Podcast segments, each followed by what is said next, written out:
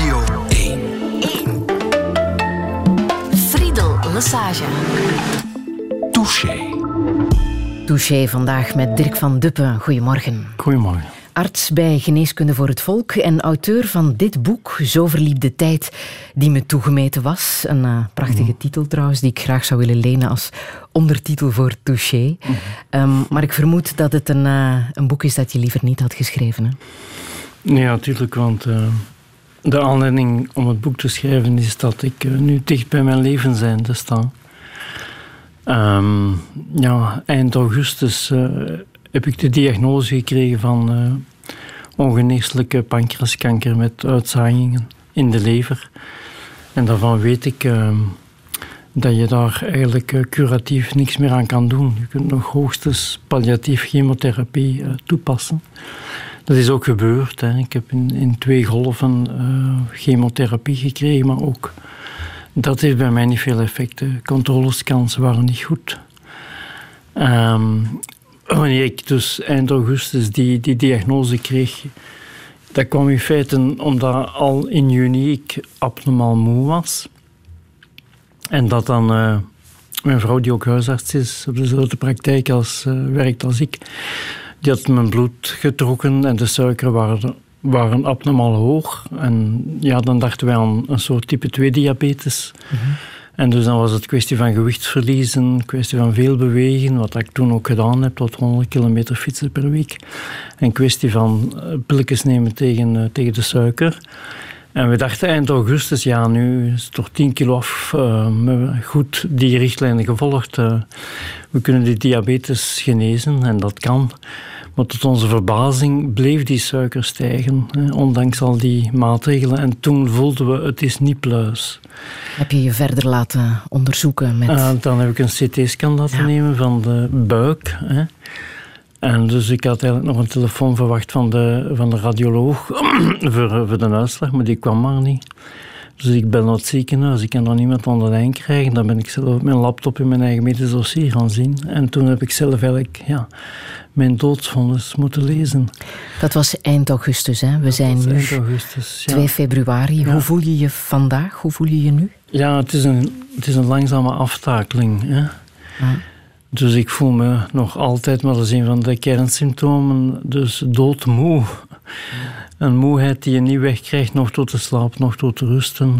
Je hebt problemen met de eetlust, je vermagert aanzienlijk verder. Je spieren worden aangetast, dat is eigen de pancreastumor. Een soort systeemtumor die ook op afstand werkt, niet alleen ter plaatse weefsel vernietigt. En dus het gericht heeft op, men noemt het katabolisme van je spierweefsel, dus je kracht vermindert. En de pijn komt ook door. Gelukkig kunnen we dat nog met, uh, met morfine-derivaten onder controle brengen. Maar dat is een beetje mijn medische toestand. Mm. En daarom is het uh, extra bijzonder dat je hier bent. Hè? Dat je twee uur vrij maakt uh, ja, om hier ik, te praten in, uh, in Touché. Ja, ik ben ook dankbaar voor die mogelijkheid om dat, dat delen van dat verdriet en dat delen wat je meemaakt en wat je meegemaakt hebt dat is zeer ondersteunend mm -hmm. en verbindend. Hè. Dus ook heel verbindend. Hè. Ik herinner me, allee, de, de eerste 48 uur, 72 uur hebben wij eigenlijk op een weekend uh, in de Kempen met de kinderen en mijn vrouw niets anders gedaan dan doorpraten. Hè, op uh, wat is de toekomst? Hoe gaan we daarmee om? Uh, hoe komt dat over? En dat was eigenlijk heel goed. Als je erover kunt praten, dan deel je dat verdriet. Maar tegelijkertijd heb ik toen gevoeld dat dat een nieuwe soort van verbondenheid creëert met de kinderen onder elkaar en met, met mij een verbondenheid. En, en vandaar, je zit met verdriet in verbondenheid, maar je zit ook met verbondenheid in verdriet. En met jouw boekje, met jouw verhaal, jouw levensverhaal, raak je ook ontzettend veel mensen. Dat blijkt nu de voorbije nu. dagen. Nu het boekje Absoluut. begint te circuleren. Op de achterflap ja. staat een quote van Rutger Bregman, niet de minste, historicus, Nederlands historicus. Hij omschrijft jou als een icoon, een scherp denker, een sociale strijder en steeds zijn tijd ver vooruit. Doe dat deugd dat zo iemand ja, dat over jou zegt? Natuurlijk, ik, ik vind het ook zeer mooi van hem, omdat wij ik had drie jaar geleden de, de Supersamenwerker gepubliceerd, wat eigenlijk een, een boek is dat um, over datzelfde soort mensbeeld gaat. Het sociale, solidaire mensbeeld. wat dat Rutger nu heeft gepubliceerd met uh, De meeste mensen deuren. En dus ook op vraag van de humorredactie was Rutger direct bereid om een, een, een dubbel interview, een gesprek met mij te, te hebben daarover. En dat was zeer boeiend. We hebben drie uur gesproken. Dat was een heel interessant debat ook. En dus hij schrijft zeer eerlijk en open. Ja, je was uw tijd ver vooruit. Ja. En dat toen natuurlijk deugd, ja. Hoe zou jij jezelf omschrijven? Oei. Ja, op deze plaats als een mens. Met eigenschappen die menselijk zijn. Met de sterke punten, wij zijn de meest sociale groepsdier. Ook de zwakke punten, die kantjes, die zijn er ook bij mij uiteraard. Uh, maar ook iemand die in het leven staat. Ik denk dat ik altijd mijn leven lang... Ik heb een boeiend leven gehad. Ik kan me niet herinneren dat ik me ooit veel verveeld heb. En ik heb het geluk gehad om in, veel soorten levens te kunnen staan. Ja. Ik heb een heel divers leven gehad. En dus ik ben een activist die iets aan de oorzaak en niet alleen aan de symptomen uh, wil doen. Vanuit die visie ben ik ook geneeskunde gaan studeren. Ja. Um, dat was toen naar het voorbeeld van Chris Merks, die de eerste groepspraktijken van geneeskunde voor het volk had opgericht. En ook met de bedoeling om dat werk verder te zetten. Maar ik heb het geluk gehad om zowel in de Palestijnse kampen in Beirut te werken dan in Deurne, in de volkswijken. Ja. En op te komen voor de meest kwetsbare mensen. En samen met hen eh, en samen met het team. Want een zanger is een groep, zei het van de Velden. Mm Dat ben ik niet alleen natuurlijk. Hè. Ook al die realisaties, dat is altijd collectief. En het is dankzij het collectief dat David Goliath kan verslaan. Ja. maar je noemt jezelf een, een, eh, een, een, activist, een activist, liever dan een communist of een marxist? Ja, wat is... Wat wat, wat is in een name? Wat, wat, wat is de inhoud van die woorden? Als je toch ideologisch wil situeren, dan heb ik voorkeur voor Marxist. Mhm. Omdat ik daar al vanaf mijn vijftiende jaar mee bezig ben. Mhm. En dat eigenlijk niet aflatend blijf toepassen. Omdat ik vind dat als je kijkt, en ik ben ook een wetenschapper, dat ben ik ook. Als je kijkt naar de data, de gegevens van vandaag, dan kun je de basisstellingen van Karl Marx nog beter onderbouwen dan 150 jaar geleden Marx en Engels dat moesten doen. En dat is een voortschrijdend inzicht dat ik eigenlijk in alle situaties heb kunnen gebruiken, dus als Marxist. Communist, dat is te zien wat inhoud dat heeft. Dat heeft heel veel negatieve connotaties door die, die slechte voorbeelden en mislukte experimenten, hoe dat je het ook noemt. Uh, maar dat heeft ook veel goede kanten. In de nobele betekenis van het woord zijn we allemaal als mens een stukje communist. Want we zijn allemaal sociale zoogdieren. En communist, ik, ik herinner me nog in, in, in, het middelbaar onderwijs dat er een leerkracht was, en dat was zo'n beetje de, het begin van mijn ontluikend bewustzijn. En die vroeg aan de klas: wat is het meest efficiënte ontwikkelingshulp? Vis geven of leren, de mensen leren vissen? En ik antwoordde niet en hij vroeg toen: wat is dan uw standpunt? En ik zei ja het hangt er vanaf wie de vissersboten bezit. En die zei, dat is een heel lucid standpunt en die ondersteunde dat en die adviseerde mij, ga eens het communistisch manifest uit de bibliotheek halen. Ik heb dat gedaan en ik heb dat gelezen en dat kleefde. Nu moet wel weten, dat was een context van de Vietnamoorlog van mei 68, van de Latijns-Amerikaanse dictaturen. En de mainstream media hier had wat de Koude Oorlog-retoriek. Dat waren ook allemaal communisten die moesten verdreven of verdelgd worden. Terwijl we eigenlijk in de alternatieve media, die ook toen bestonden, een heel ander beeld kregen. En dus ik herinner me ook nog dat ik boven mijn bed een poster had hangen uh, van Don Helder Camara. Dat was de aartsbisschop, bevrijdingstheoloog van Brazilië. En daarop stond geschreven: Als ik de armen voedsel geef, dan noemen ze mij een heilige. Als ik de vraag durf te stellen waarom de armen arm zijn, dan ben ik een communist. En in die zin van het woord uh, mag je me ook communist noemen. Ja. ja. Dirk van Duppen, welkom in Touché. Radio 1. 1. Friedel Lassage. Touché.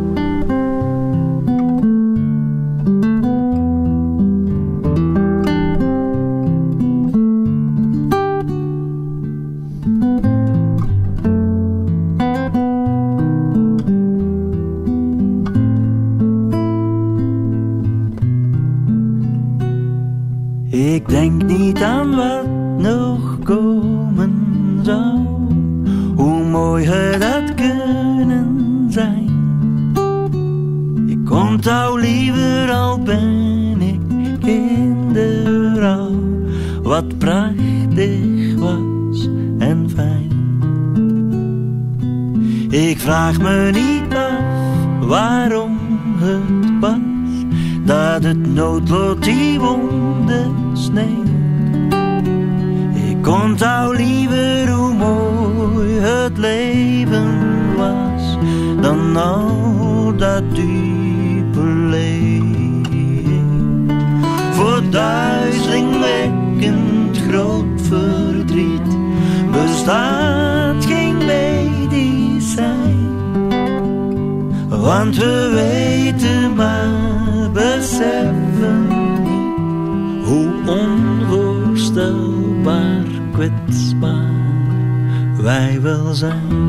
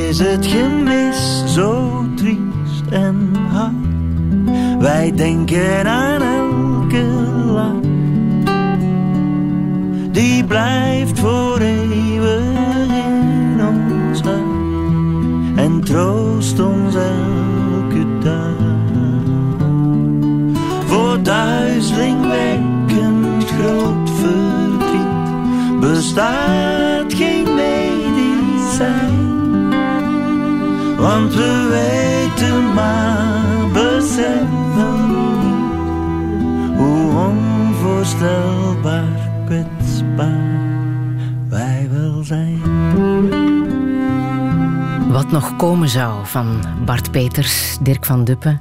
Je zat met gesloten ogen te luisteren naar uh, de tekst. Hè? De tekst past jou. Perfect. Mm -hmm. Wat doet het jou om dit te horen zingen, om Bart die ja. woorden te horen zingen? Dat is zeer mooi, ja. En die tekst is ook zeer mooi. En het is inderdaad heel toepasselijk hè, in al zijn aspecten. Hè. Ook de verdriet in verbondenheid en verbondenheid in verdriet komt in, in die tekst. Ja. Je schrijft in uh, je boekje Mijn wereld kantelt op uh, vrijdag 30 augustus 2019. Ja. Toen kreeg je dat verdikt te lezen um, dat je terminale pancreaskanker hebt. Um, je hebt toen um, beslist om op te schrijven wat uh, jouw leven is geweest in zo verliep tijd die me toegemeten was. Je hebt zelf moeten lezen in dat dossier dat het uh, terminale pancreaskanker was, terwijl je op die 30 augustus zat te wachten op een telefoontje. Hè? Ja. Dat je zelf bent moeten gaan zoeken in jouw dossier. Deed dat pijn dat dat telefoontje niet kwam? Ja, maar ik, ik weet dat. Ja, het is soms zo druk. Ik, ik kan dat begrijpen. Het is niet de eerste keer dat de communicatie niet goed loopt. Natuurlijk, als dat op u toepasselijk is, is dat, is dat wat pijnlijker.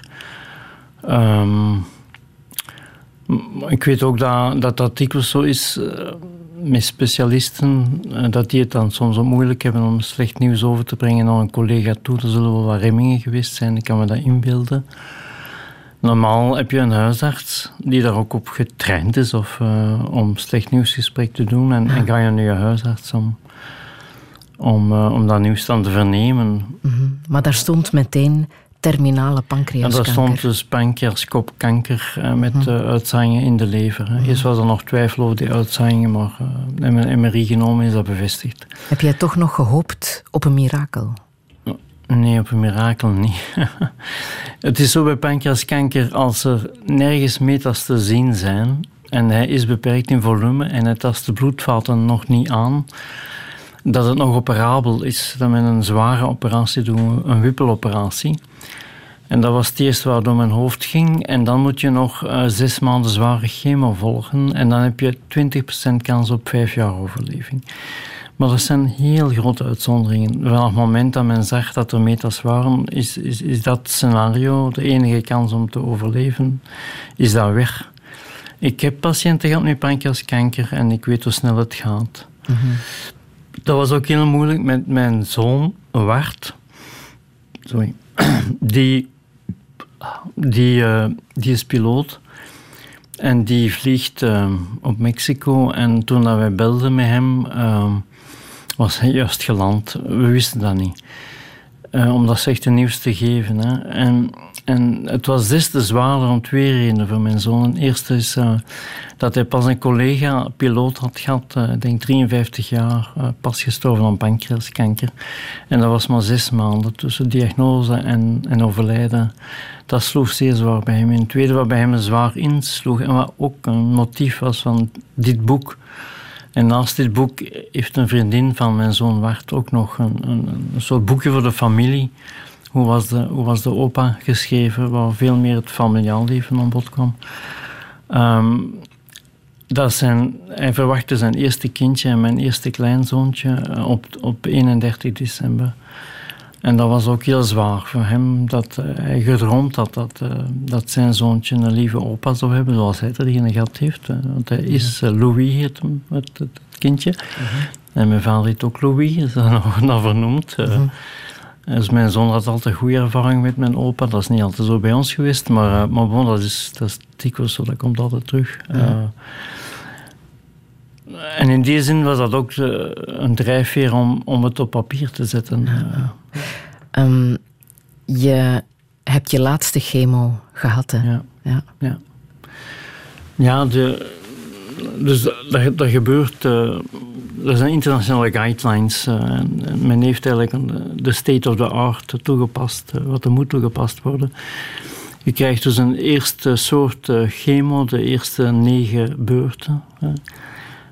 per week eentje en één week vrij per maand. En dan kijk je naar de controlescan voor te zien of dat die tumor of dat die verschrompeld was en of dat die metas ook verschrompelen. En dat was niet zo. De tumor was uitgebreid, de meters waren toch serieus toegenomen. Dan krijg je een tweede lijns chemo hè, voor, voor eh, gevorderde kanker, advanced cancer. En dan, ja, dan kijk je ook uh, na een goede twee maanden. Eh, hebben we die CT-scan uh, in het begin van de week genomen. En dat was eigenlijk nog slechter. Ik bedoel, ook die chemo had geen impact op de tumor, nog op de metas. Mijn lever zit vol metas volgens die scan. En dan is het uh, over en out. Je bent zelf arts. Mhm. Is dat frustrerend? Is dat extra moeilijk om die diagnose en die resultaten te lezen, te zien? Jij, jij mhm. kan ze beter analyseren dan mhm. een doorsnee patiënt natuurlijk. Hè? Ja. Volgens mij heeft dat twee kanten. Hè. Um, en welke kant overweegt, dat vind ik moeilijk te zeggen. Ik denk dat dat ook heel van de concrete situatie afhangt.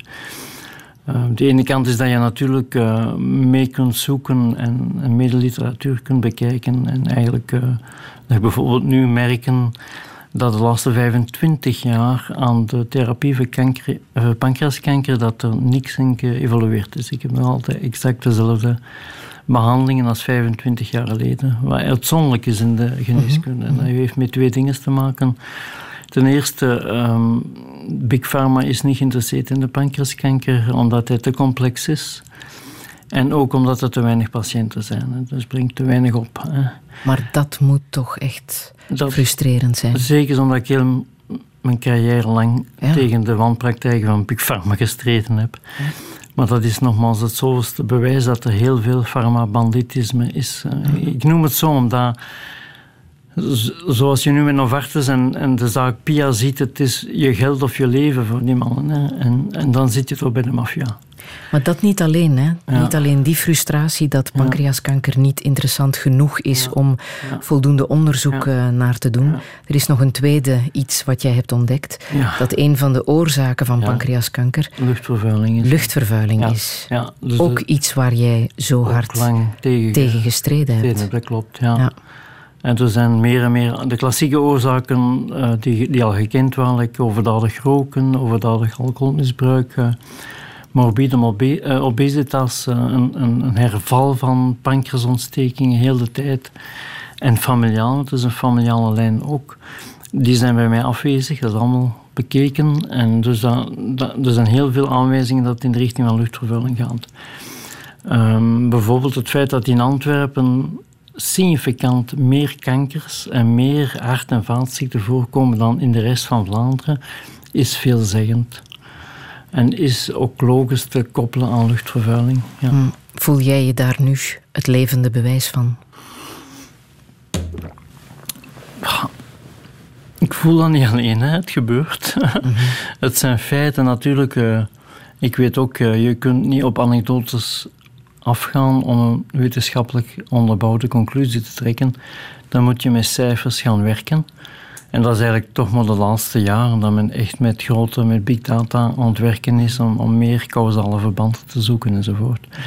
Maar het, het, het is een stuk onrechtvaardigheid, maar dat zijn allee, op de lijn van Big Pharma en hun wanpraktijken, zowel als heel de problematiek van luchtvervuiling of de klimaat. Uh, dat zijn zaken die dringend moeten aangepakt worden. En ik ben langs de andere kant blij dat ik in mijn levenslijn daar steentjes in verlegd heb. Ja. Mm, dat heb je zeker gedaan. Ja.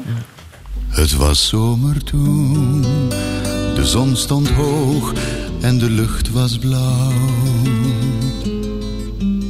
En we dachten nog dat het allemaal wel zo blijven zou. Samen hand in hand liepen wij gedwee door het heidekruid.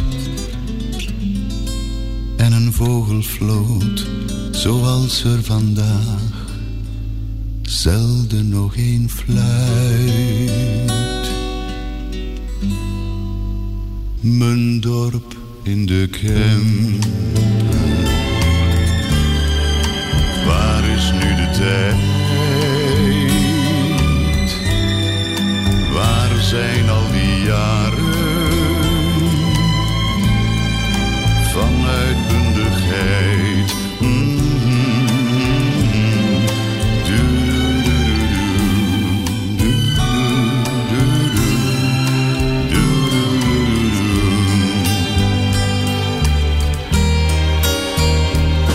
In zijn Smitse zon fik de Smits een lied altijd naast de toon.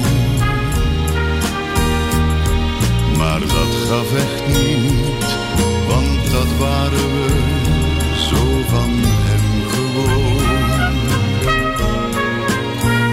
Seks bestond nog niet, of misschien toch wel, maar van geen belang.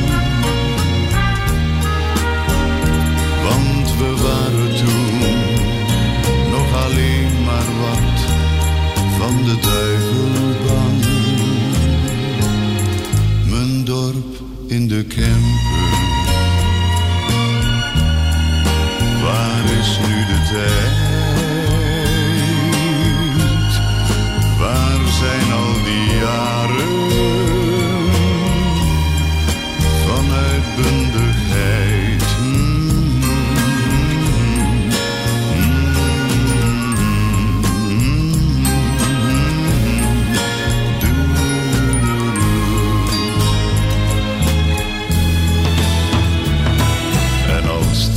Was, speelde na de mis onze harmonie. Forse marsmuziek voor een baktrappist, gedronken genie. Want van klein tot groot kende iedereen, toen nog iedereen Bosberg tot de Vennestraat was men nooit alleen. Mijn dorp in de Kempen, waar is nu de tijd? Louis Neefs met uh, Mijn dorp in de Kempen. Dirk van Duppen, jij herkende alle straten natuurlijk, want het gaat over Gierle. Jullie zijn dorpsgenoten. Ja. Um, ik vraag me af of je daar nu goede of slechte herinneringen aan hebt. Want in jouw boekje, Dirk van Duppen, schrijf je... Gierle um, als een katholiek bekrompen Kempens platteland. Dat, uh, dat klinkt weinig flatterend natuurlijk. Hè? Ja. Was het zo erg? Het, het heeft twee kanten. Hè. Um, en dat aspect uh, was belangrijk. Uh, zeker als wij zo in de puberteit kwamen. Aan de andere kant, uh, in die tijd had je als jongere op het platteland alle vrijheid. Hè. Wij gingen spelen in de bossen van de Lilsebergen. Wij gingen zwemmen in die vijvers die aangelegd zijn door de E, voor de E3. Um, en ook mijn ouders hadden zo een houding van... Uh, als het vrije tijd is, dan, dan, mogen ze doen wat ze willen. Er was naast ons huis een autokerkhof van uh, Peter Schovers, van de groentenboer, van, de, van de firma.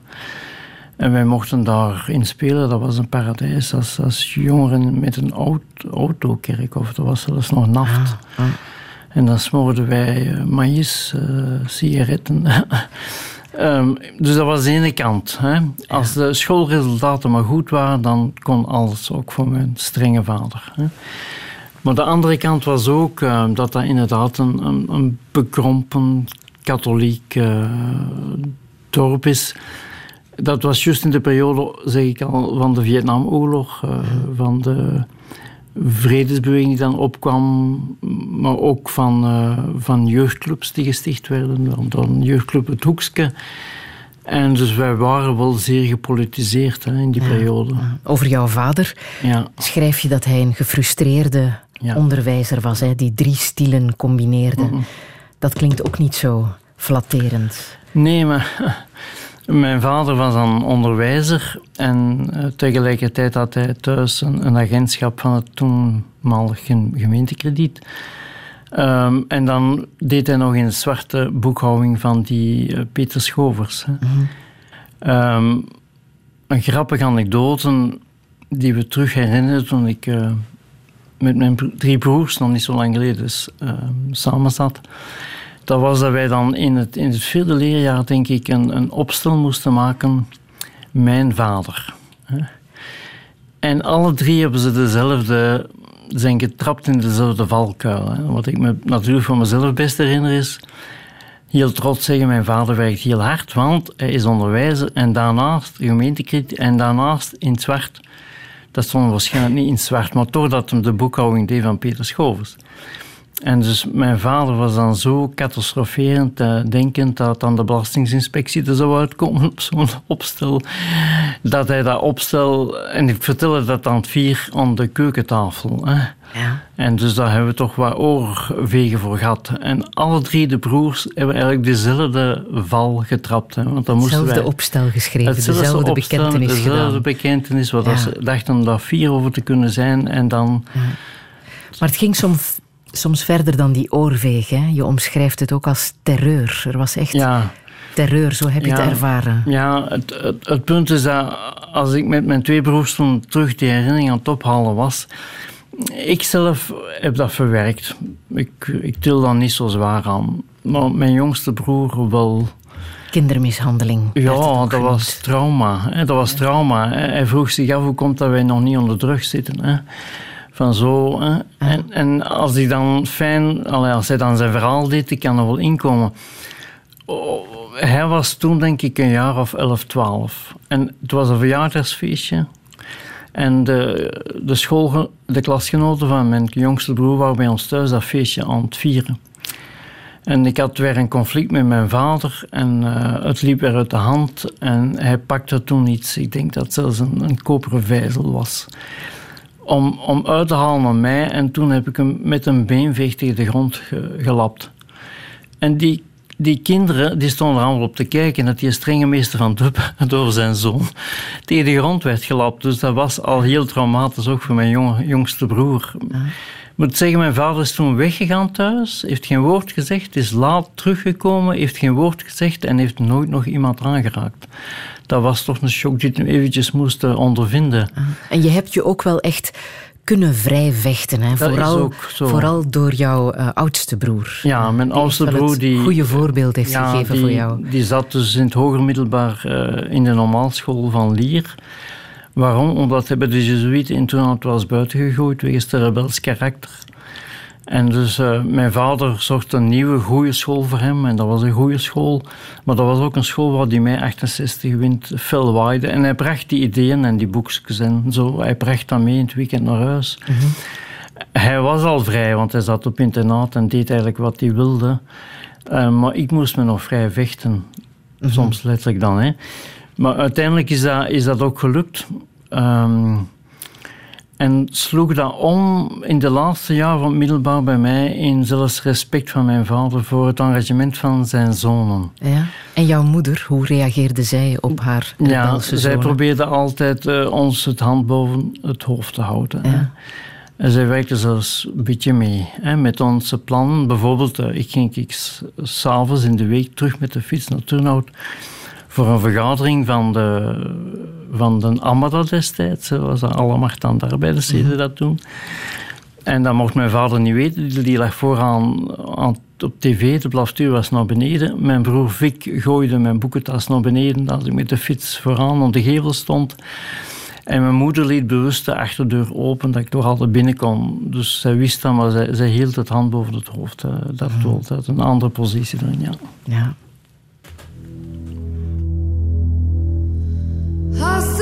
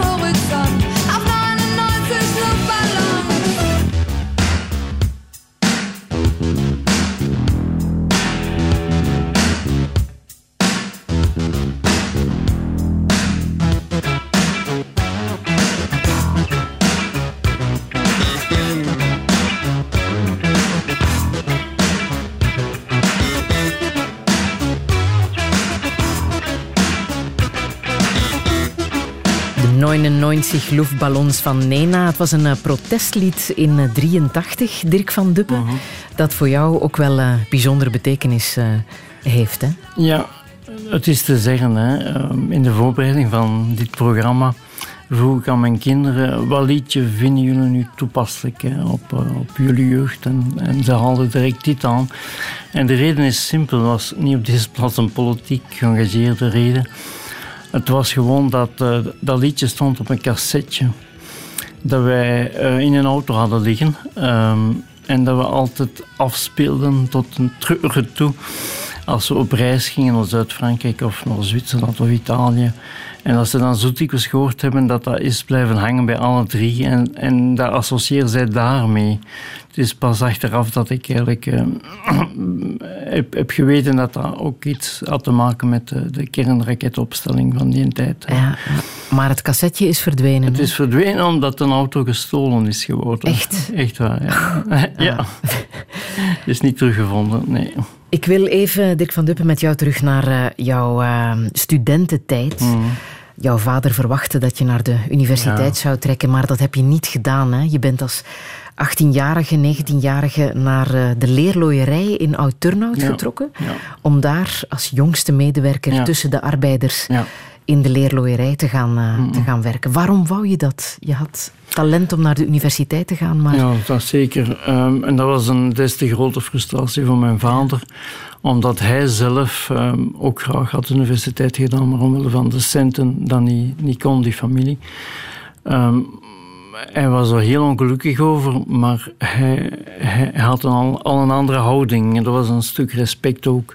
De reden waarom ik dat deed was dat, dat toch een van de principes van, van, van, de, van het marxisme in feite is dat je eigenlijk uh, het gezegde wie niet leeft zoals hij denkt, zal snel gaan denken zoals hij leeft.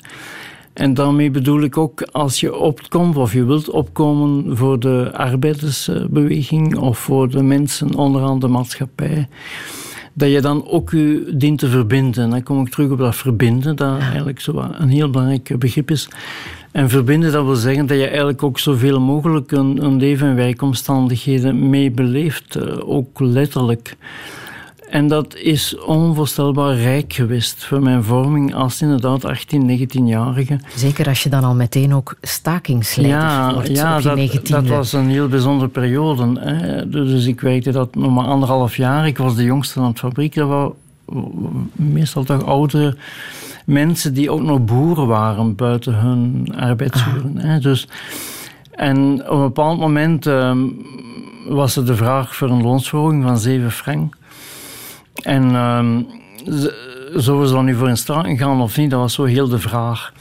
En ik was dan geletterd en, ik, ik, analyseerde de jaarverslagen, de resultaatrekening, de balans van de onderneming. En ik kon eigenlijk al goed aantonen dat de shoepost van Van Oudenhoven echt veel geld op overschot had om ons die loonsverhoging die, die terecht was om die te geven. En dat werd zeer sterk geapprecieerd. Ook, die arbeiders hadden geen ervaring met staking.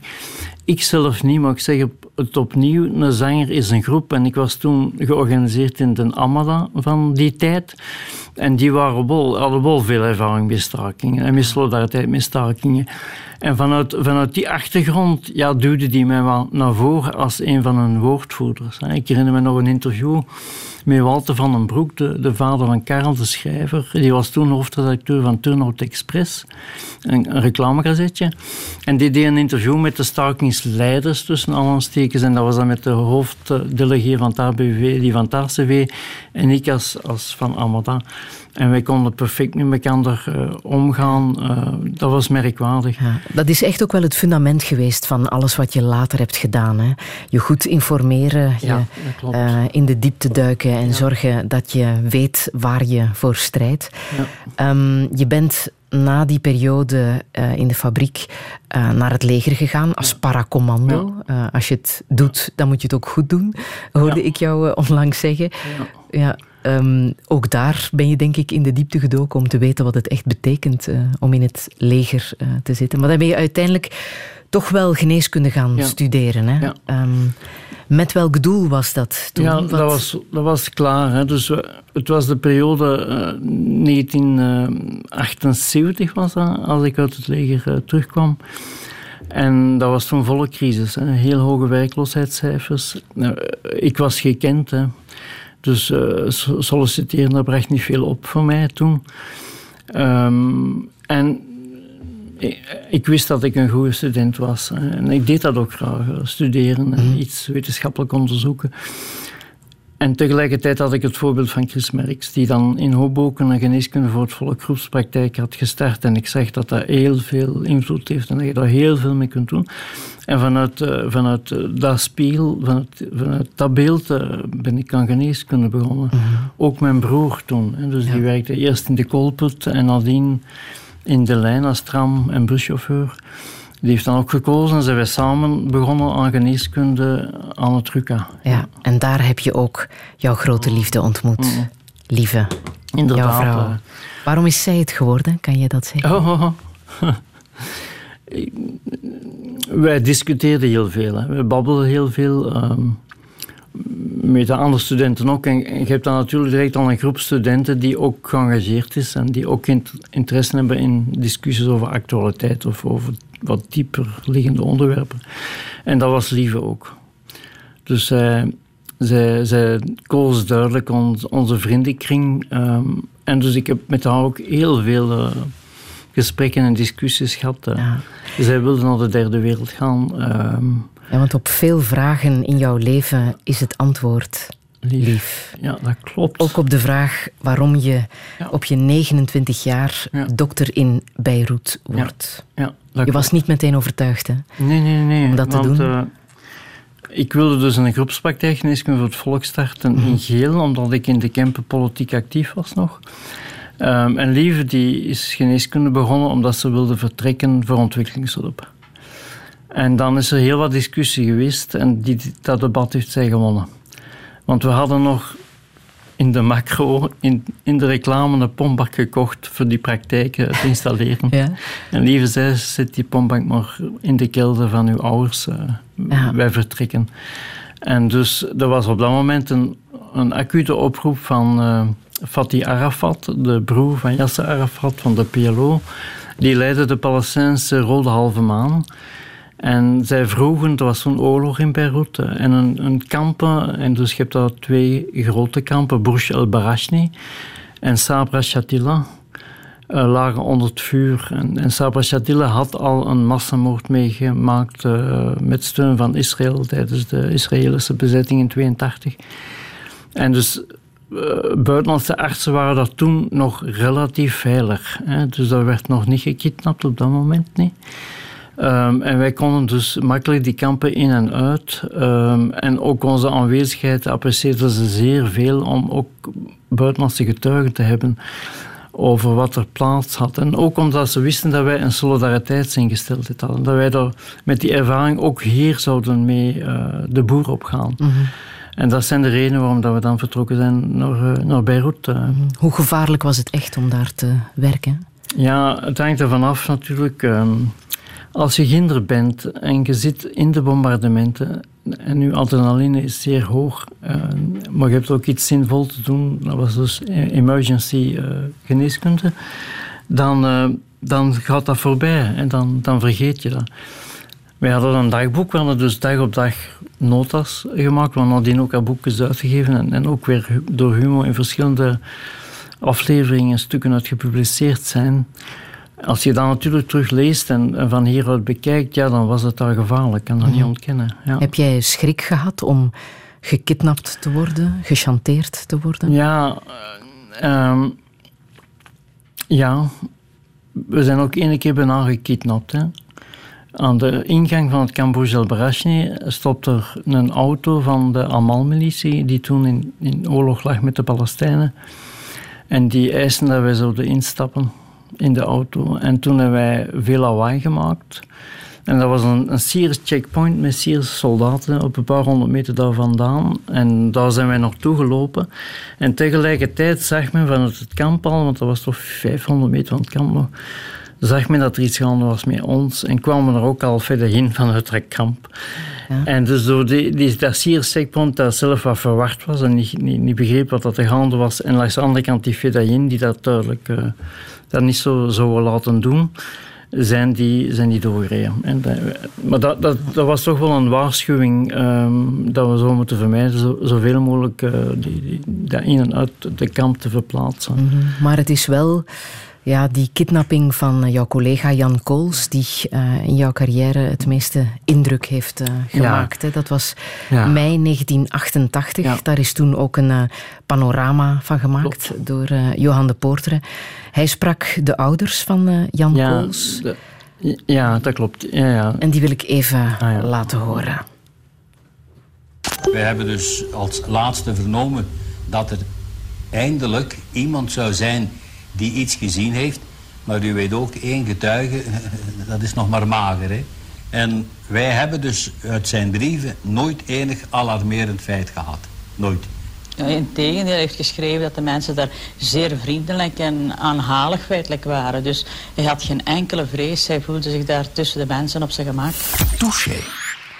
Je hebt zelf ook meegestreden om hem terug vrij te krijgen. Ja. Je was ondertussen een jonge vader. Je had je eerste zoontje. Klopt, maar je bent toen niet heel veel thuis geweest. Nee, nee, want uh, als ik dat telefoontje kreeg uh, uit Libanon van Norvak, dat was de Noorse NGO waar wij mee samenwerkten. Hè, en zeiden, uh, Jan Kools is verdwenen en voor ons is het verontrustend.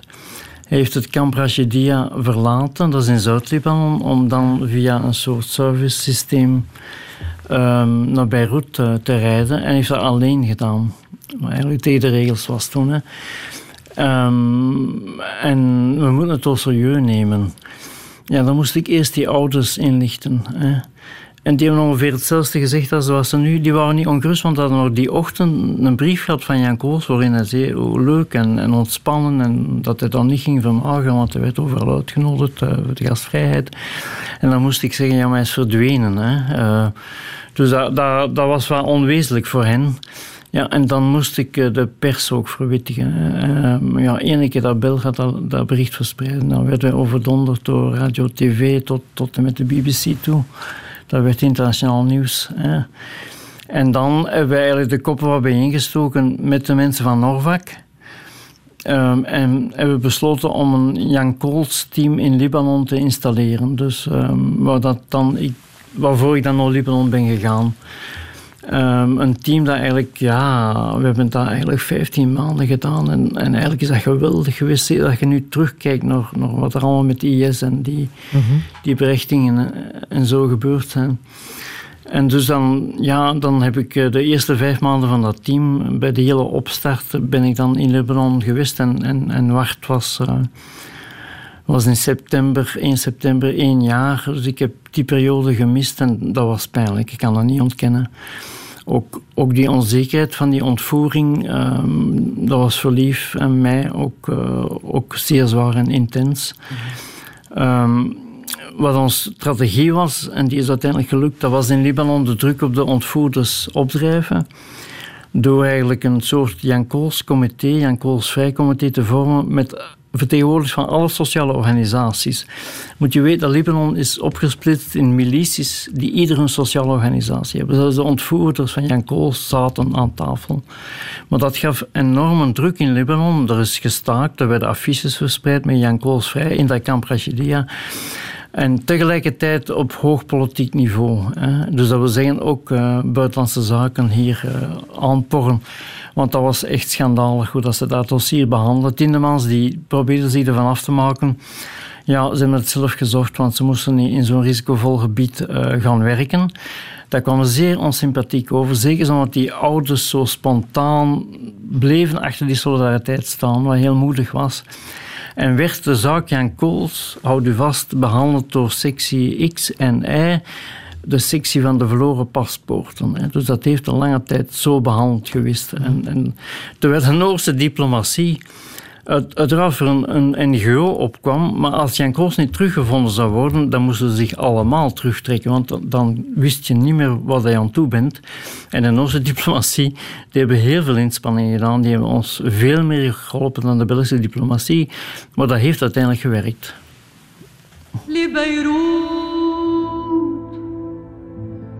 من قلبي سلام لبيروت وقبل للبحر والبيوت لصخرة كأنها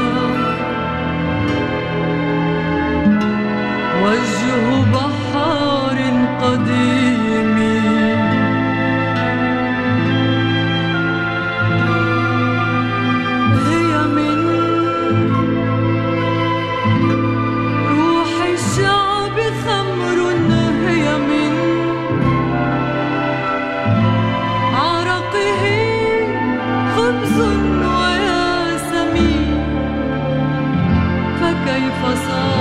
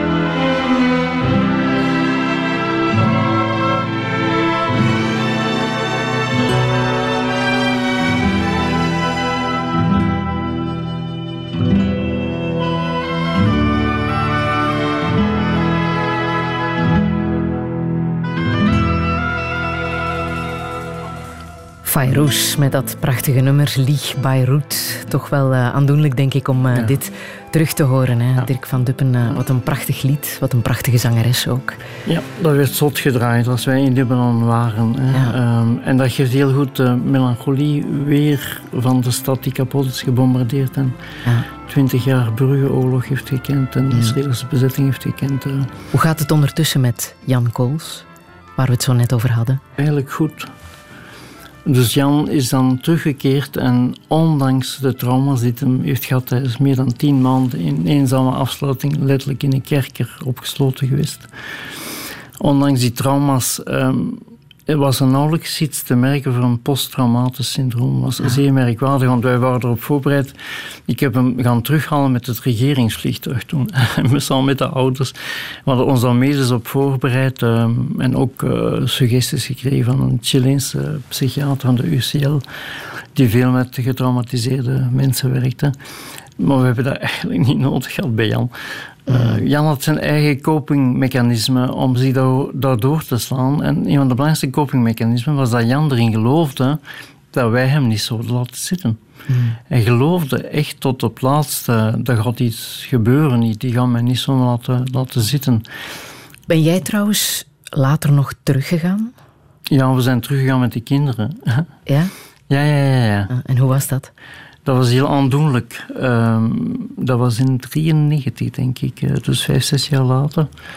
Um, en dat was heel aandoenlijk omdat er zoveel mensen ons nog kenden. En dat, ja? ja? heel, heel veel. Als je iets, zoiets iets zwaar meemaakt, wat de solidariteit zo voorop moet staan om te kunnen overleven, dat blijft eh, niet alleen bij ons, maar ook bij hen gegrift in, in, in, in hun leven. Uh, um, Stonden er bij jou nog um, plekken op jouw bucketlist die je nog graag had gezien? Je bedoelt nu of toen? Ja, nu. nu. Plaatsen waar je graag nog eens naartoe was Ja, geweest? ik had graag uh, nog, eens, nog eens niet, want het zou de eerste keer zijn naar China uh, gegaan op bezoek en, en een zijderoute kunnen doen. Dat was eigenlijk iets dat, dat op mijn lijstje stond, ja. ja. Maar dat gaat niet. Nee. Mm, dat nee. zal niet meer gaan, hè? Nee. Welke andere dingen um, ben je blij dat je die nog hebt uh, kunnen meemaken? Ja, wat er nu gebeurt natuurlijk. Mm -hmm. de, dus het, het, het, feit dat, dat ik die traumatische gebeurtenis van je, je ziet eigenlijk je levenseinde aankomen en het feit dat dat de kans geeft om, om je te verbinden, om die verbondenheid te voelen en om eigenlijk wat je geleerd hebt uit te leven. Bertolt Brecht, die, de, de Duitse dichter, hè, die zegt: uh, Het mooiste geschenk dat je kunt geven is um, het voorbeeld van je eigen leven. Radio 1. 1. Friedel Massage. Touché. Touché vandaag met Dirk van Duppe, huisarts bij Geneeskunde voor het Volk. Hij liet zijn levensverhaal neerschrijven in het boek met de poëtische titel Zo verliep de tijd die me toegemeten was, omdat die tijd stilaan opraakt. Een paar maanden geleden las hij in zijn eigen medisch dossier terminale pancreaskanker. Twee woorden die insloegen als een bom.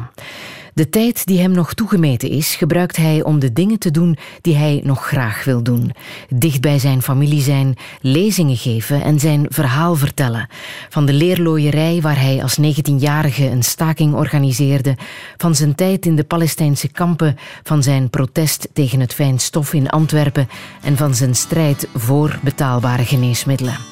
Een goed mens dus. Dit is Touché met Dirk van Duppen. Een goede middag.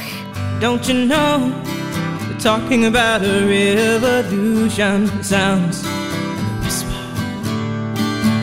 Don't you know, talking about a revolution sounds like a whisper. While they're standing in the welfare lines, crying at the doorsteps of those armies of salvation wasting time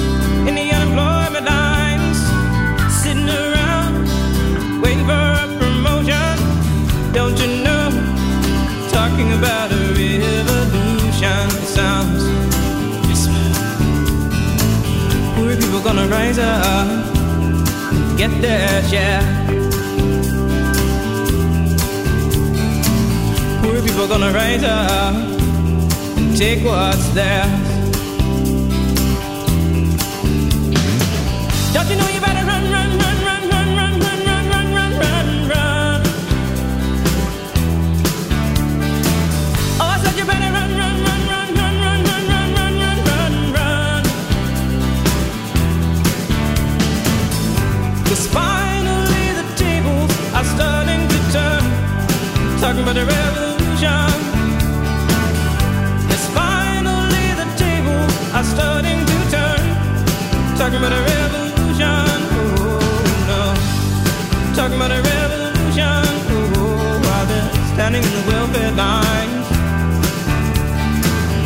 Crying the doorsteps of those armies of salvation.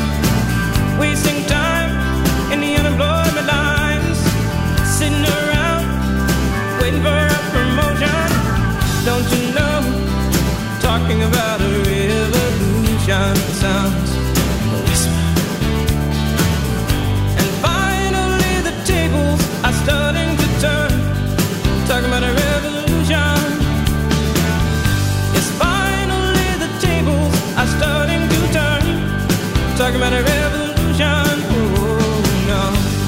Tracy Chapman, ook al in de jaren tachtig met Talking About a Revolution. Dirk van Duppen, dit wou je ook absoluut laten horen. Hè? Waarom precies?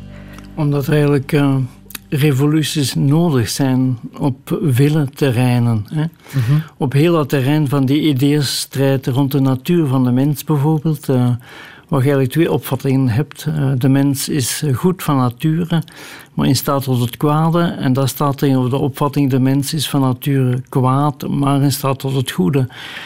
We hebben dat wetenschappelijk onderbouwd, dat die eerste stelling, dus de mens is goed van nature, hij heeft een neiging tot empathie, tot helpgedrag en tot samenwerking en solidariteit, hebben we wetenschappelijk onderbouwd in de super samenwerker.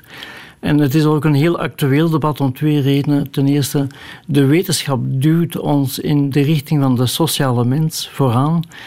En ten tweede heb je Rutger Bregman die met zijn bestseller De meeste mensen deugen echt... Uh, dat wordt ook vertaald in vele talen, mm -hmm. echt dat debat op, op, de, op de agenda heeft gebracht. Mm -hmm. Maar ook omdat heel veel maatregelen die genomen worden door de neoliberalen, zo noem ik ze, dat die eigenlijk van dat tweede mensbeeld vertrekken. Dat wil zeggen, de mens is kwaad van nature en dus je moet controleren, je moet repressie toepassen. En dat onder, onder dat argument wordt, wordt dan die repressie doorgevoerd. Uh, maar een tweede punt van ideeënstrijd, en dat is dan mijn specialiteit toch geworden, dat is heel de farmasector. Ja. -hmm.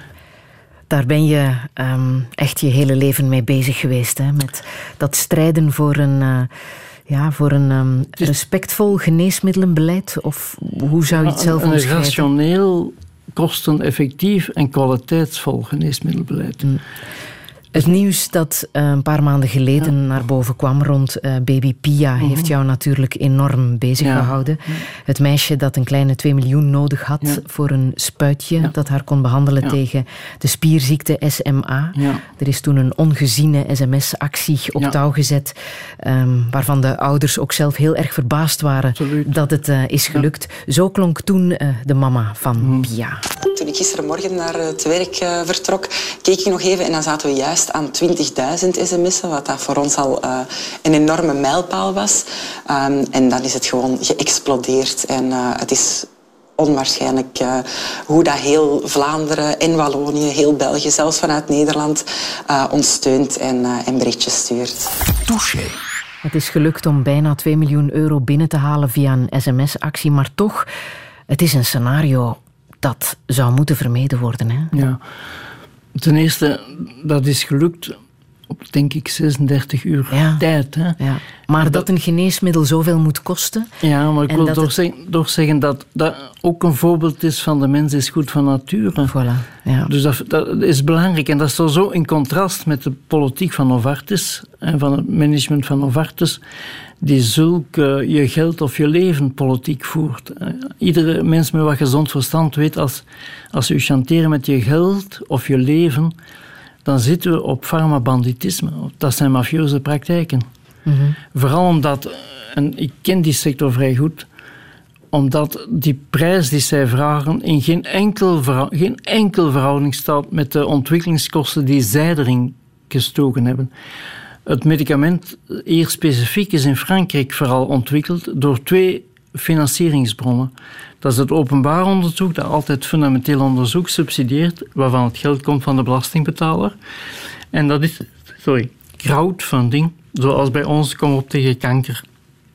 Novartis heeft op het juiste moment, commercieel gezien, een licentie kunnen nemen en heeft dat dan commercieel uitgebaat. En zelfs uitgebuit. Dus en hoe rekenen zij een prijs? Zij rekenen een prijs op twee, op, op twee parameters. Een eerste is, wat is de samenleving, waar er een ziekteverzekering is, of wat is de patiënt, hè, als dat privé is, bereid om te betalen uh, om zijn leven te redden. Of een vrouw van, met borstkanker om van die borstkanker te genezen, want zo zijn die medicaties. Mm -hmm. En een tweede, en natuurlijk is een vrouw bijvoorbeeld met borstkanker bereid om het huis te verkopen als ze ervan genezen geraakt. En een tweede is, zij rekenen nu ongeveer 50.000 euro per gered kwaliteitsvol levensjaar. We zitten met een levensverwachting die tegen de 80 aanloopt. Je kunt dat zelf berekenen wat dat betekent als baby Pia geneest met die spuit. Hè. Dan, dan, en zo komen ze aan een prijs. Maar eigenlijk is dat, is dat banditisme. Dat staat, dat staat in geen enkele verhouding daarmee. En in het geval van, van BBPIA en dat soort van innovatieve geneesmiddelen, want dat is een nieuw iets, hè, dat is nog, nog geen tien jaar bezig, uh, dat is vijf jaar bezig en nu eigenlijk zijn de eerste grote uitgaven gebeurd. Maar er is een artikel 81 in de wetgeving en dat zegt dat de minister uh, toegelaten is om geheime onderhandelingen met de farmaceutische industrie te voeren rond een geneesmiddel dat heel hoge prijzen heeft. Uh, en dat die, die, die uitkomst geheim blijft. Want dan kan de farma-industrie de, de, landen tegen elkaar uitspelen. Want je weet niet van elkaar wat prijs heb jij en heb jij bepaald. En daar wordt enorm misbruik van gemaakt. Uh, dat toepassen van artikel 81 door de blok heeft al tot een kostprijs van meer dan 500 miljoen euro. Alleen om enkele innovatieve geneesmiddelen gekost. En, en dat is schandalig. Dan zegt de overheid, ja, maar wij kunnen daar niks aan doen. En dat is niet waar.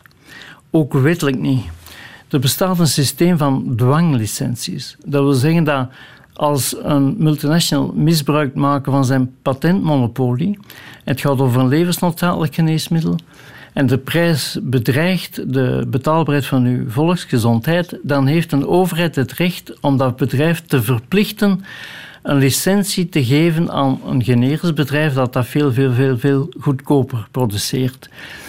Dat systeem bestaat al lang en is afgedwongen geweest door Nelson Mandela in de jaren 90 voor HIV-medicatie, die hij van India invoerde aan een prijs die 1 vijftigste, 1 honderdste bedroeg dan dat de grote Big Pharma daarvoor vroeg.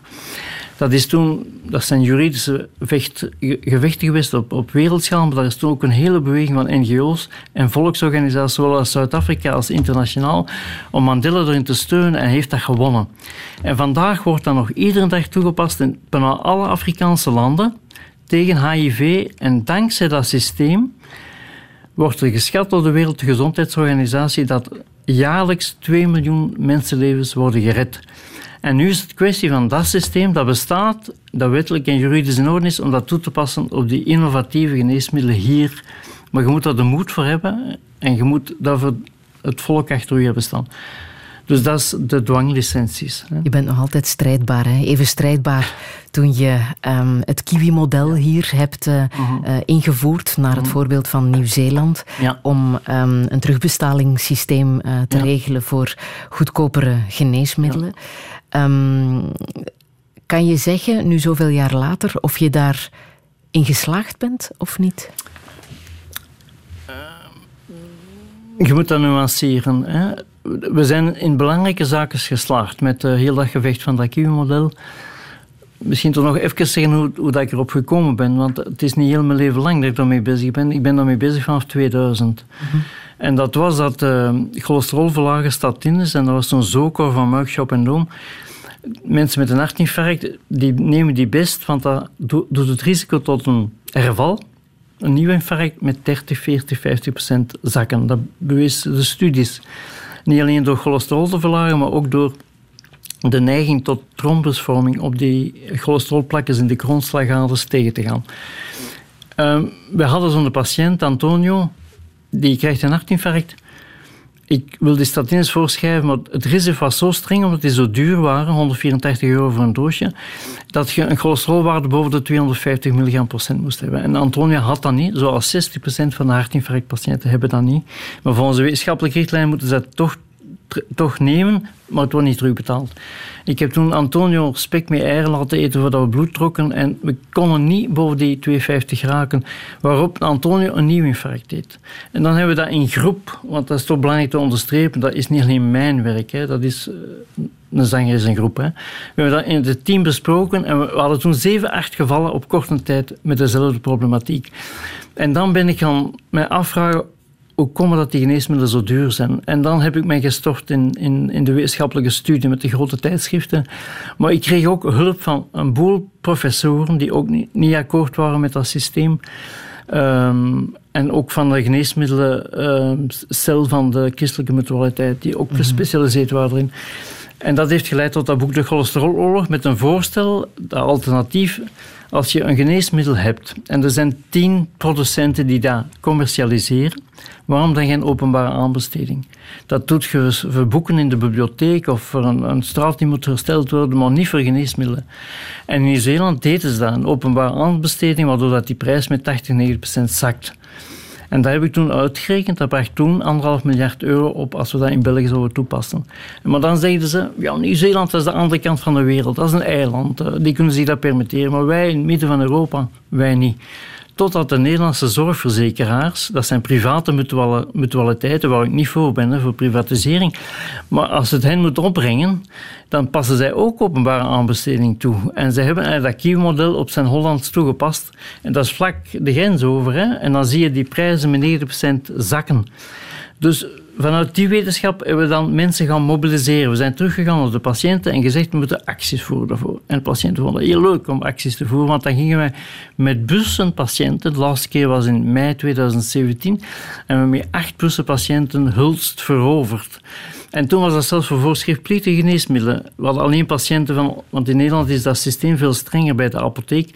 De apotheek moet de essentiële medische gegevens hebben. Hè. En dat hebben we gedaan met onze eigen patiënten. En dat is puur legaal. We hebben dat zelf letterlijk overgedragen, niet via het internet. Uh, zodanig dat, dat die apothekers allemaal een zakje per patiënt hadden klaarstaan wat ze moesten hebben aan Nederlandse prijzen. En dat is perfect gelukt. En dan hadden we alle camera's erop en dat geeft opnieuw een boost. Mhm. En die boost heeft toch al wat teweeggebracht. Buiten het feit dat je dat debat hebt over die dure prijzen, heb je twee keren in de uitgang van geneesmiddelen van het RISIF, hè, die stijgen, En die maken een knik in 2005 en die stijgen die maken een nieuwe knik in 2010. En als je naar die knik gaat kijken, dan komt dat door het debat van het Kievenmodel dat in het parlement gevoerd werd, waarbij toen Rudy de Motte minister van Volksgezondheid was en een wetsontwerp indient voor het Kievenmodel, dat getorpedeerd is door Maggie de Blok en Jolanda Avondrood van de Open VLD, die voor de Big Pharma het lobbywerk deden amendeerde om zelfs 123 miljoen euro per jaar extra omzetbelasting te, te, te vanuit de farma-industrie als dat Kievenmodel de maand niet opkwam. Maar dat gaf ook prijsdaling zodat je die eerste knik had. En de tweede knik is dat Van Deurzen toen, minister, het HPV-vaccin in het Kiwi-model had gestoken openbare aanbestedingen. Die prijs die zakte van 375 euro naar 51 euro per behandeling. Waardoor dat, uh, Van Deurzen dat gratis heeft toegekend aan de meisjes van het eerste jaar middelbaar, waardoor de vaccinatiegraad van 20 tot 80 procent is gestegen. En daar ben ik enorm trots op.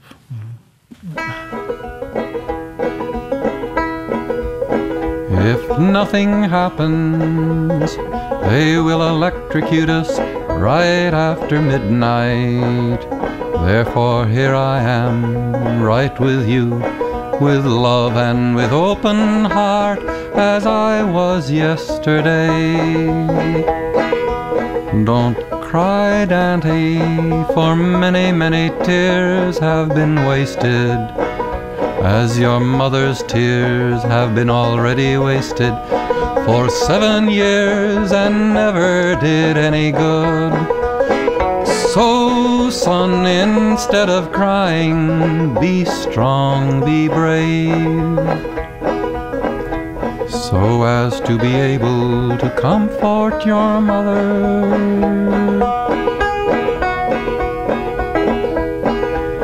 And when you want to distract her from the discouraging soulness, you take her for a long walk in the quiet countryside, gathering flowers here and there, and resting under the shade of trees beside the music of the waters the peacefulness of nature.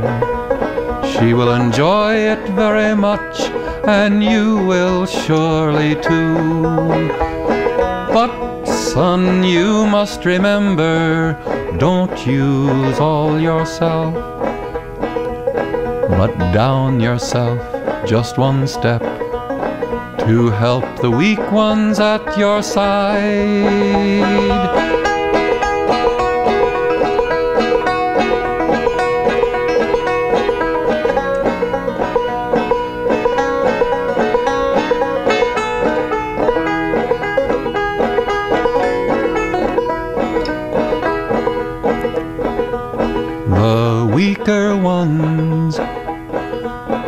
Cry for help, the persecuted and the victim.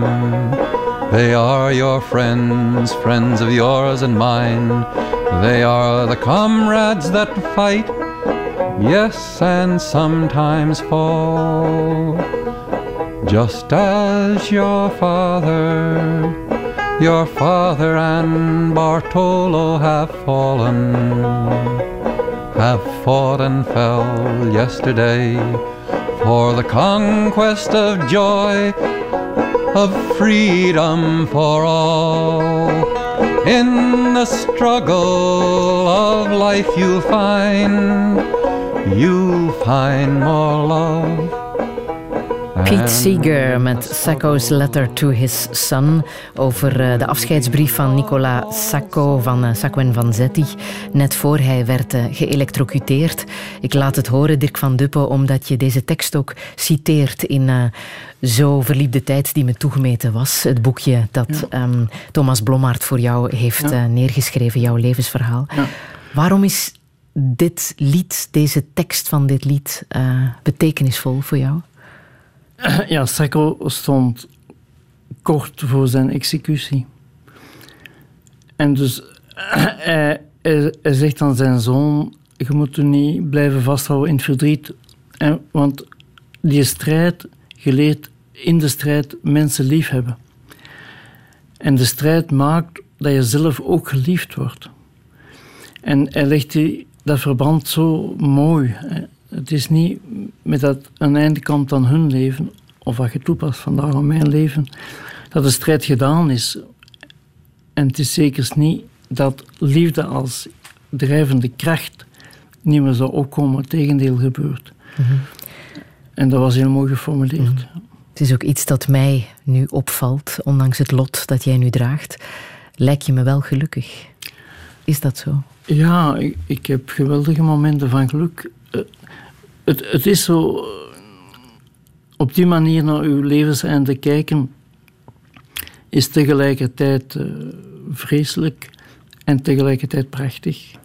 En dit is de prachtige kant. Uh, het geeft betekenis aan uw leven. Ah. Vandaar ook dat boek. Betekenis geven. Ja, ik zou durven zeggen. Maar ik had eens een dubbel interview een paar weken terug met, met uh, Dirk de Wachter. En Dirk zei toen: uh, Als ik aan de hemelpoort kom, niet dat ik erin geloof zei. En dat geldt even goed voor de andere Dirk. Dan wil ik afgerekend worden op welke betekenis ik heb gehad voor andere mensen, voor mijn patiënten, voor mijn dierbaren. En dat is ook heel toepasselijk hierop. Hè. Dat was mhm. perfect zo geformuleerd als we zo aan de hemelpoort komen. Mhm. Maar klopt het voor jou ook dat het vooral engagement is dat een mens gelukkig kan maken? Absoluut. Het is zelfs bewezen, wetenschappelijk, ja. dat mensen die geven veel gelukkiger zijn dan mensen die nemen. En dat eh, solidariteit en geven, en je kunt dat zelfs tot op het niveau van de neurohormonen terugtracen, dat dat boost geeft van oxytocine, dat is het knuffel- of gelukshormoon. Um, en dat de neurologische circuits um, die geactiveerd worden bij, bij empathie en helpgedrag en samenwerking, dat die ook geactiveerd worden door. En daar wordt het hele dopaminesysteem door geactiveerd, waardoor mensen zich veel beter voelen. Mm dat zijn de, de gelukshormonen. Geld maakt niet gelukkig. Geld maakt niet gelukkig tot op een zeker niveau. We moeten ook opletten. Hè. Dat onderzoek is ook gebeurd. Hè. Men ziet dat geld voor mensen die weinig geld hebben zeer veel geluk bijdraagt. Tot op een zeker niveau en dan vlakt die curve af en die wordt zelfs negatief aan de kant van de miljonairs dat is heel interessant, want uiteindelijk door iets als een miljonair-tax op te leggen, maakt je ook die groep gelukkiger. Mhm. Jij hebt uh, altijd gewerkt voor geneeskunde voor het volk. Mhm. Daar um, heb je een limiet, hè, wat je verdient. Ja. 1200 euro, nee, nee, dat?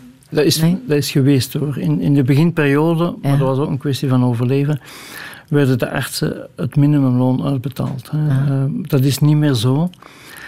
Uh, wij worden uitbetaald volgens een CAO nu. Waarbij er loonsverschillen zijn bij artsen, verpleegkundigen of, of administratief personeel. Maar die, die spanning is klein, is zeer klein. En daar kiezen we bewust voor. En dus nu is dat voor, voor ons netto het mediaan inkomen van de werknemers, is 2000 euro per maand. Netto. Um, maar ook dat is belangrijk om, om die loonspanning te beperken. Want als je echt veel verdient, uh, wat dat gebeurt in de praktijk, dokters, specialisten die 10, 20 keer zoveel verdienen dan de patiënten voor, voor wie ze werken, dan is het een groter stuk vervreemding en afstand. En we vinden eigenlijk de nabijheid of het verbinden met de mensen waarvoor dat je werkt, we vinden dat eigenlijk essentieel. En dat is ook wat ik ervaren heb. Wat ik ervaren heb. Ook bij collega's die in het begin idealistisch zijn en dan terug meer willen verdienen, in denkwereld en leefwereld verandert. Bij een, groot deel toch. Mm. Anderen passen dat aan, maar het is toch wel belangrijk dat je leeft zoals je denkt, want anders ga je denken zoals je leeft. Uh, en dat passen wij toe, dat klopt.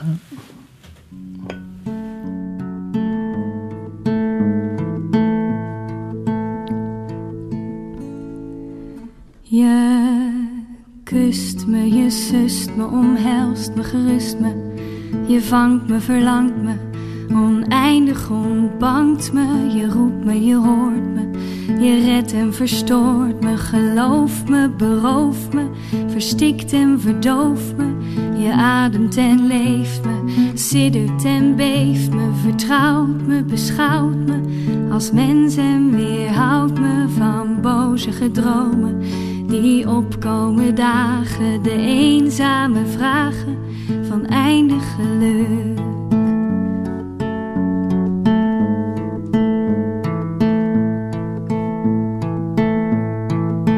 Met je krullen als nacht, hoe je praat, hoe je lacht, hoe je stem zo dichtbij als een engel verzacht. In mijn dromen doorstromen oneindige leegtes. Je remt me, je tempt me, je roert en beweegt me. Ik mis je, ik mis je, ik grijp je, ik gris je. Ik wil je, bespeel je, ik roer en beveel je om bij me te blijven in donkere nachten. Om niet meer te smachten naar jou.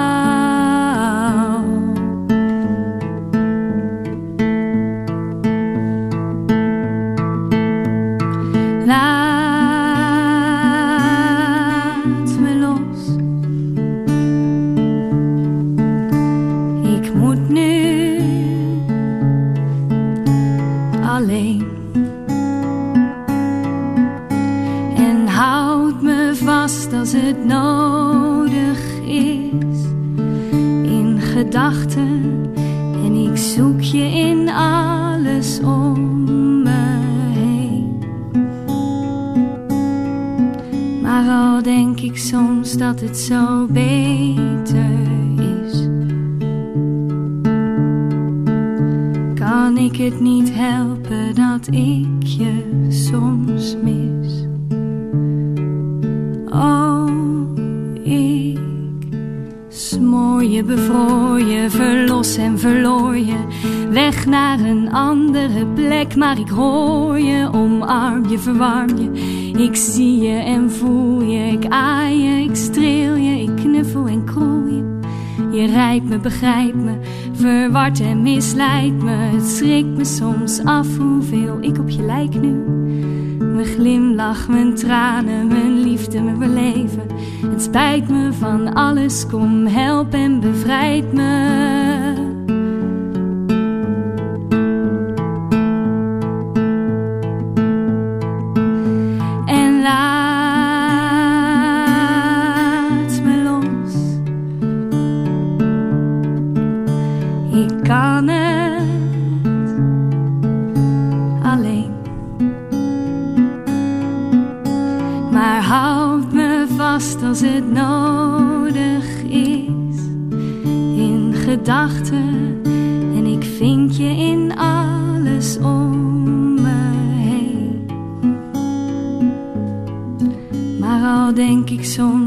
Soms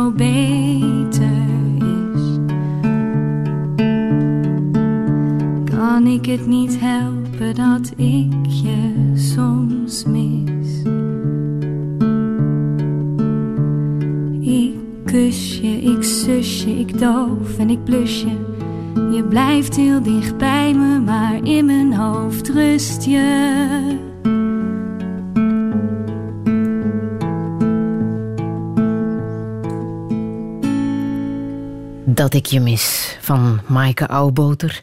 Mhm. Ze schreef het nummer na de dood van haar ouders, Dirk van Duppen. Mhm. Ook voor jou is het een uh, betekenisvol nummer, hè? Ja, absoluut. Uh, het is mooi, het ontroert, het geeft ook die gevoelens die mijn kinderen nu hebben. Ja. En dan Maaike lijkt zeer sterk op mijn dochter Lien met lange blonde krullen. Ja. En dat gemis dat zij ook gaan, gaan hebben en dat ze nu al in dit proces aan, aan, ja, aan het verwerken zijn. Mhm. En tegelijkertijd in de tekst van het, van het nummer heb je ook een stukje autonomie in verbondenheid. Dus laat me los. Maar als nodig is, kan ik terug op jullie vallen. Mhm. En dat vind ik ook een heel belangrijk begrip in dat, in dat. Ik, ik ben voor de individuele vrijheid van de mens, zoveel als het mogelijk is. En het is ook goed als mensen autonomie hebben. Dat is ook bewezen ehm, dat dat een intrinsieke motivatie dat dat die aanscherpt. Maar tegelijkertijd is het is een autonomie die, die dankzij de collectiviteit, dankzij de gemeenschap is. Mensen kunnen hier kiezen welke onderwijsrichting ze kunnen volgen. Het wordt altijd maar moeilijker en minder betaalbaar, maar hoe dan ook. De basis is dat het democratisch is en dat het betaalbaar zou moeten zijn. En dat betaalbaar dat wil zeggen dat de gemeenschap bijdraagt. En dan kunnen heel veel mensen autonomie hebben. En dat staat tegenover de autonomie of de individuele vrijheid van het neoliberalisme, dat een vrijheid is van enkele op kap van velen. Mhm. Dat komt ook in dat lied tot uiting. Ja. Wat is er van jouw kinderen geworden?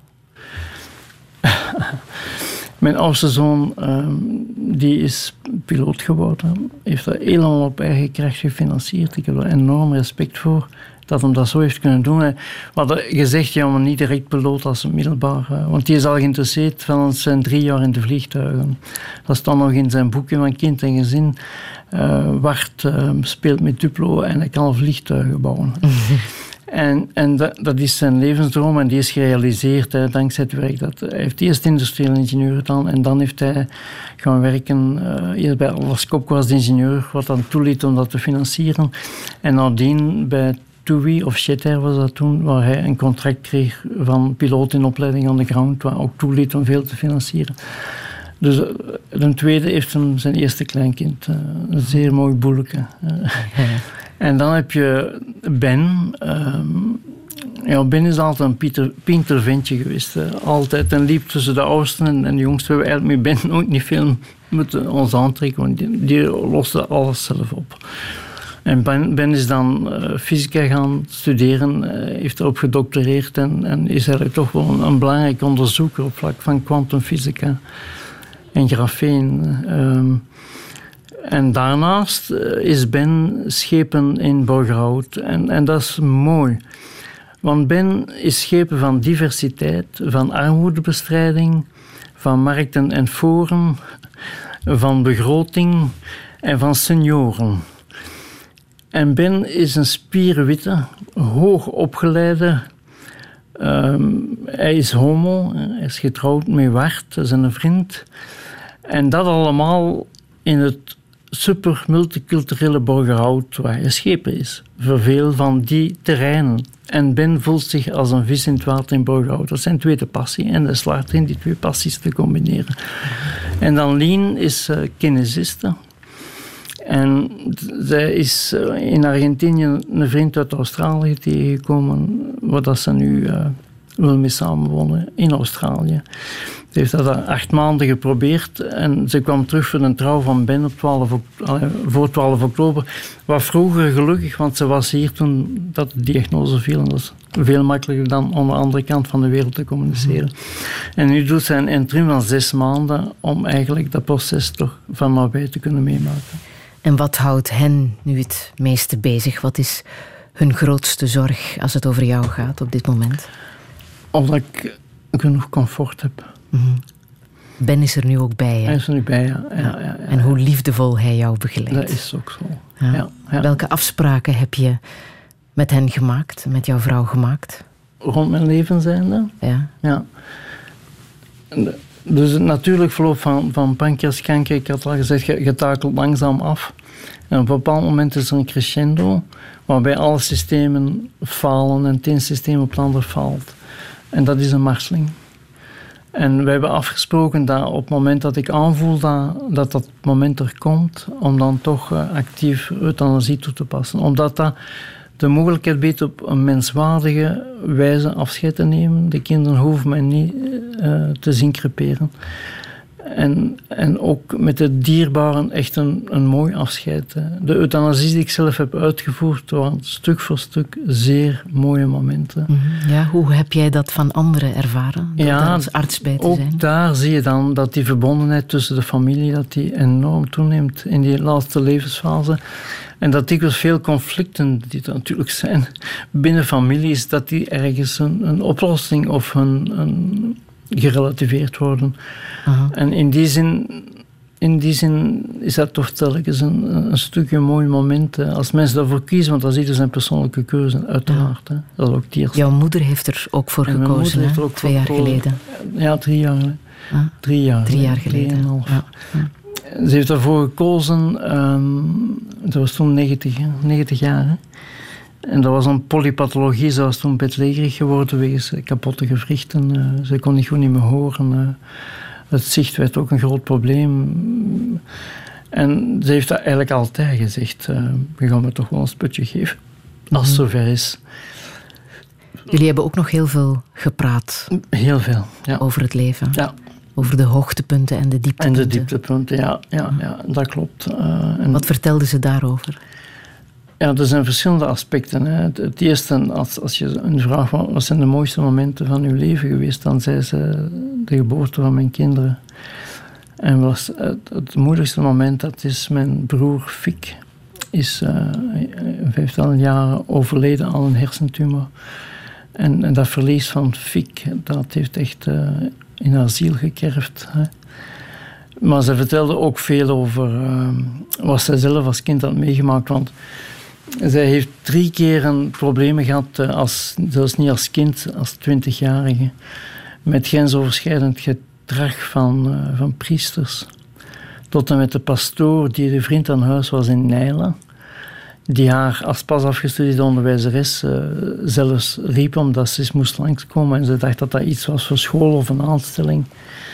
En die toen de deur op slot deed, heeft ze verteld en naar haar borsten greep. Waarbij ze het uitschreeuwde. En die pastoor zegt, want mijn moeder, de pastoor zijn moeder, die leefde bij die pastoor in als een soort meid. Die zat in de keuken en dat wilde toch niet dat hij dat hoort, zei die pastoor.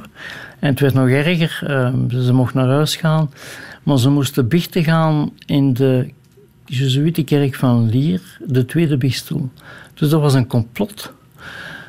Ze heeft dan nooit iets van durven vertellen aan haar ouders, omdat ze die niet wilde kwetsen. En ze heeft dat eigenlijk de eerste keer heeft dat probleem aangeraakt bij het overlijden van mijn vader. Uh, maar in haar eigen levenseinde, twee weken voordat de euthanasie werd uitgevoerd, kwam er voor en wilde ze dat tegen iedereen vertellen. En als die brave pastoor vandaar de heilig sacrament van de, uh, van de stervende wilde toedienen, die kreeg het verhaal ook en dan mocht vertrekken met zijn heilig sacrament.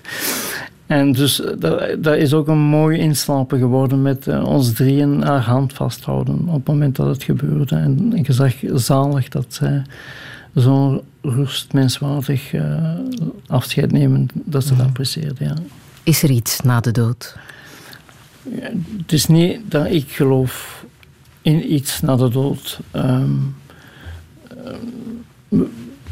ik heb mijn leven lang gestreden voor een, voor een hemel niet in het hiernamaals, maar in het hier numals. En ik al gezegd heb, eh, als ik op de hemelpoort kom en Sint-Pieter uh, staat daar, uh, dat ze dan afrekenen wat ik betekend heb. Maar dat geldt ook voor het hier numals. Want die kleine overwinningen die ik in het boek beschrijf, ja, dat geeft stuk voor stuk kleine hemeltjes in het hier numals. En de hel, dat is een verzinsel. Daar geloof ik helemaal niet in.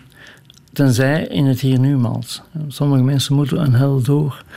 En als je dat historisch uh, onderzoekt, uh, heel dat begrip van hel en hemel ook, is dat vooral door de elite, de machthebbers, een begrip dat zij brengen om eigenlijk hun uitbuiting en onderdrukking, om dat te legitimeren. De mens moet een hemel verdienen. Verdienen. En uh, ja, de hel is wel een in het hier nu maals. En het is onze taak, vind ik, en van alle mensen om een hemel te creëren, ook voor de anderen, in het hier nu maals. Ja. Dat heb je gedaan. Dank je. The whispers in the morning Of lovers sleeping tight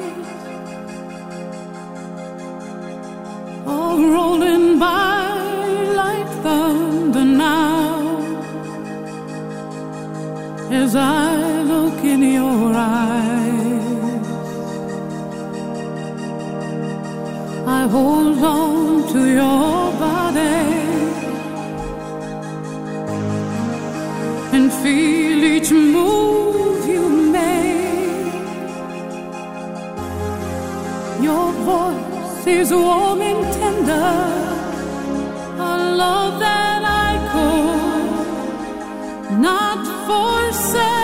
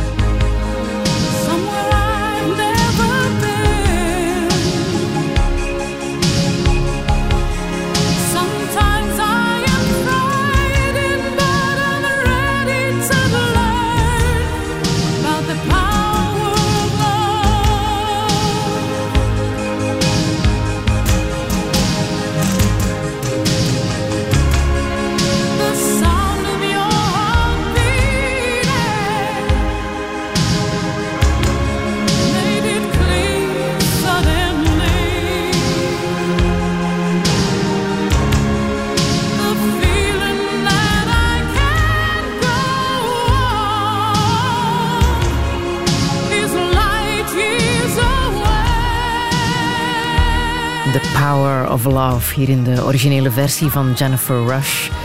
Dirk van Duppen, wat is dat, de kracht van liefde voor jou? Ja, de, de kracht van liefde is eigenlijk de belangrijkste drijfveer van al onze levensprestaties. En ik bekijk dat niet vanuit een religieus of op de eerste plaats moraal-filosofisch uh, perspectief. Ik bekijk dat vanuit een evolutionair wetenschappelijk perspectief. Wij zijn de enige sociale zoogdierensoort um, die niet kunnen overleven zonder de zorg van anderen. En dat heeft een diepe stempel gedrukt over onze 6 miljoen jaar evolutie. Vanaf het moment dat wij ons afsplitsten van onze meest nabije neefjes, uh, evolutionair gezien, dat zijn de primaten of de chimpansees. Doordat we zijn gaan rechtop lopen, vernauwd de bekkenuitgang als dan nog eens de hersenen groeien, dan is er een probleem bij de geboorte en de geboortearbeid. En de natuur heeft dat opgelost door ons prematuur te laten geboren worden.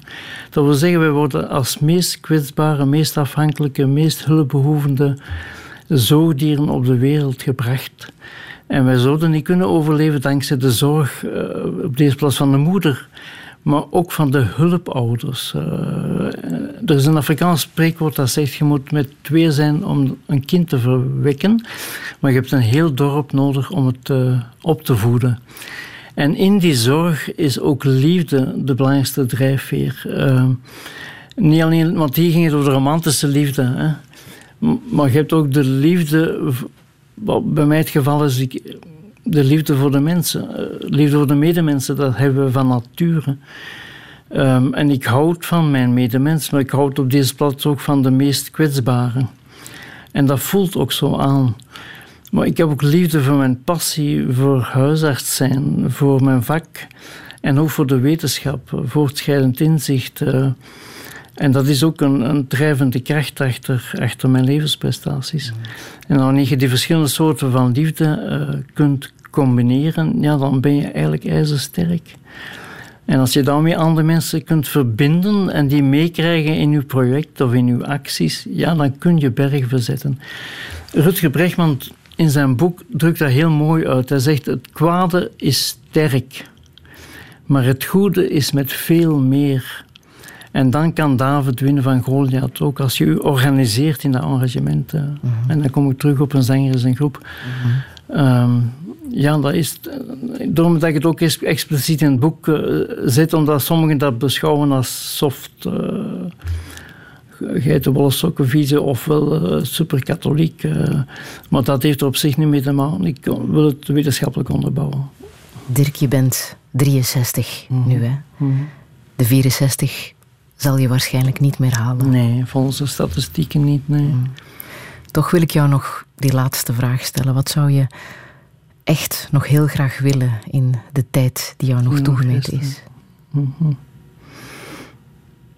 Dat vind ik nu echt moeilijk te zeggen, omdat de tijd die mij rest um, brengt nieuwe opportuniteiten mee die ik vooraf niet had ingeschat. En ik vind dat heel belangrijk en leuk en ondersteunend. En lekker zelf zegt, je wordt ook gelukkig van als je de feedback krijgt van al die mensen.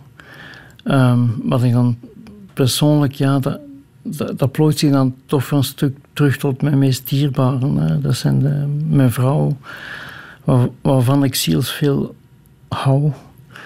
Mijn kinderen en mijn partners en het kleinkind. En ik, ik zou toch nog graag ook veel mijn kleinkind willen, willen zien of mee kunnen spelen. Of wat dan ook mogelijk is. Ja. ja. En welke boodschap wil je ons nog meegeven? En, uh, er zijn eigenlijk drie, drie quotes die verweven zitten in de rode draad die door mijn leven loopt. En de, de, de eerste quote, dat is... Um, de essentie van het mens zijn is de sociale relaties. Het ensemble van de sociale relaties. Dus dat wil zeggen, uh, meer dan 1 plus 1 is 2. Het is ook de interactie, het samenspel. En een tweede quote is... Als de maatschappelijke omstandigheden zo bepalend zijn voor de mens, laten we dan die maatschappelijke omstandigheden meer menselijk maken. En zaken meer menselijk maken. Kleine hemels op deze aarde kunnen creëren. Dat kan iedereen en dat is de boodschap van engagement en georganiseerd zijn. Ja. Zullen we nog eindigen met dat Italiaanse partisanenlied? Ja, Bella Ciao. Bella Ciao ja. van Riccardo Tessi. Una mattina mi son svegliato Oh bella ciao, bella ciao, bella ciao, ciao, ciao. Una mattina mi son svegliato ho trovato l'invasor. Oh partigiano, portami via. Oh bella ciao, bella ciao, bella ciao, ciao, ciao. Oh partigiano, portami via, che mi sento di morir. E se io muoio da partigiano, oh bella ciao, bella ciao, bella ciao, ciao, ciao. E se io muoio da partigiano, tu mi devi seppellir e seppellire lassù in montagna. Oh bella ciao,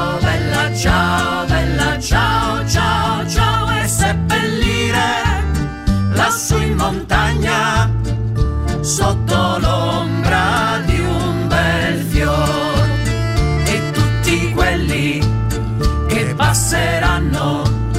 Oh bella ciao, bella ciao, bella ciao, ciao, ciao e tutti quelli che passeranno mi diranno che bel fior e questo è il fiore